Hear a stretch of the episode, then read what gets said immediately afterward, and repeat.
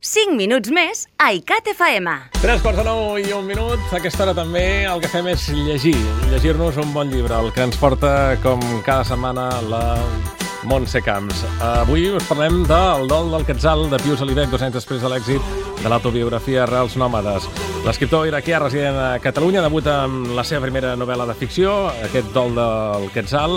La Montse Camps, hola Montse, bon dia. Què ens proposa en Pius? Bon dia. Doncs si a Reals Nòmades, Pius Alibec parlava de la seva vida a l'Iraq, d'on va marxar com a refugiat en plena guerra als anys 80, ara aquest filòleg, docent i també cuiner s'ha passat a l'altra banda, el de la ficció.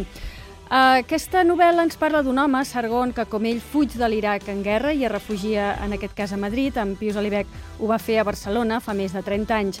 Anys després eh, se'n va de vacances a l'estat mexicà de Chiapas i allà coneix una noia una mica esquerpa, una mica absent, amb qui costa mantenir una conversa perquè sempre està a la defensiva i que després descobrim que ha deixat algú a Mèxic DF i que també, com ell, busca respostes.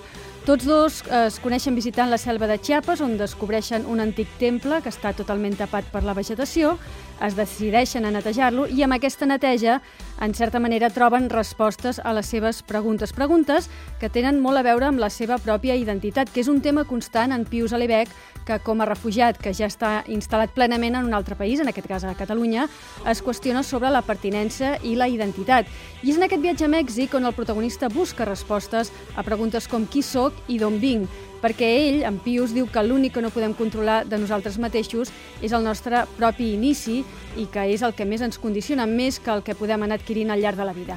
Un llibre actual en un món on hi ha milers de desplaçaments i també una novel·la que parla mm, de les relacions entre les persones, de la passió continguda i també parla d'altres temes com la religió. Un llibre, doncs, molt reflexiu, però també molt descriptiu i ple de bellesa i que edita Edicions 62. Gràcies, Montse. Fins la setmana que ve. da da da da.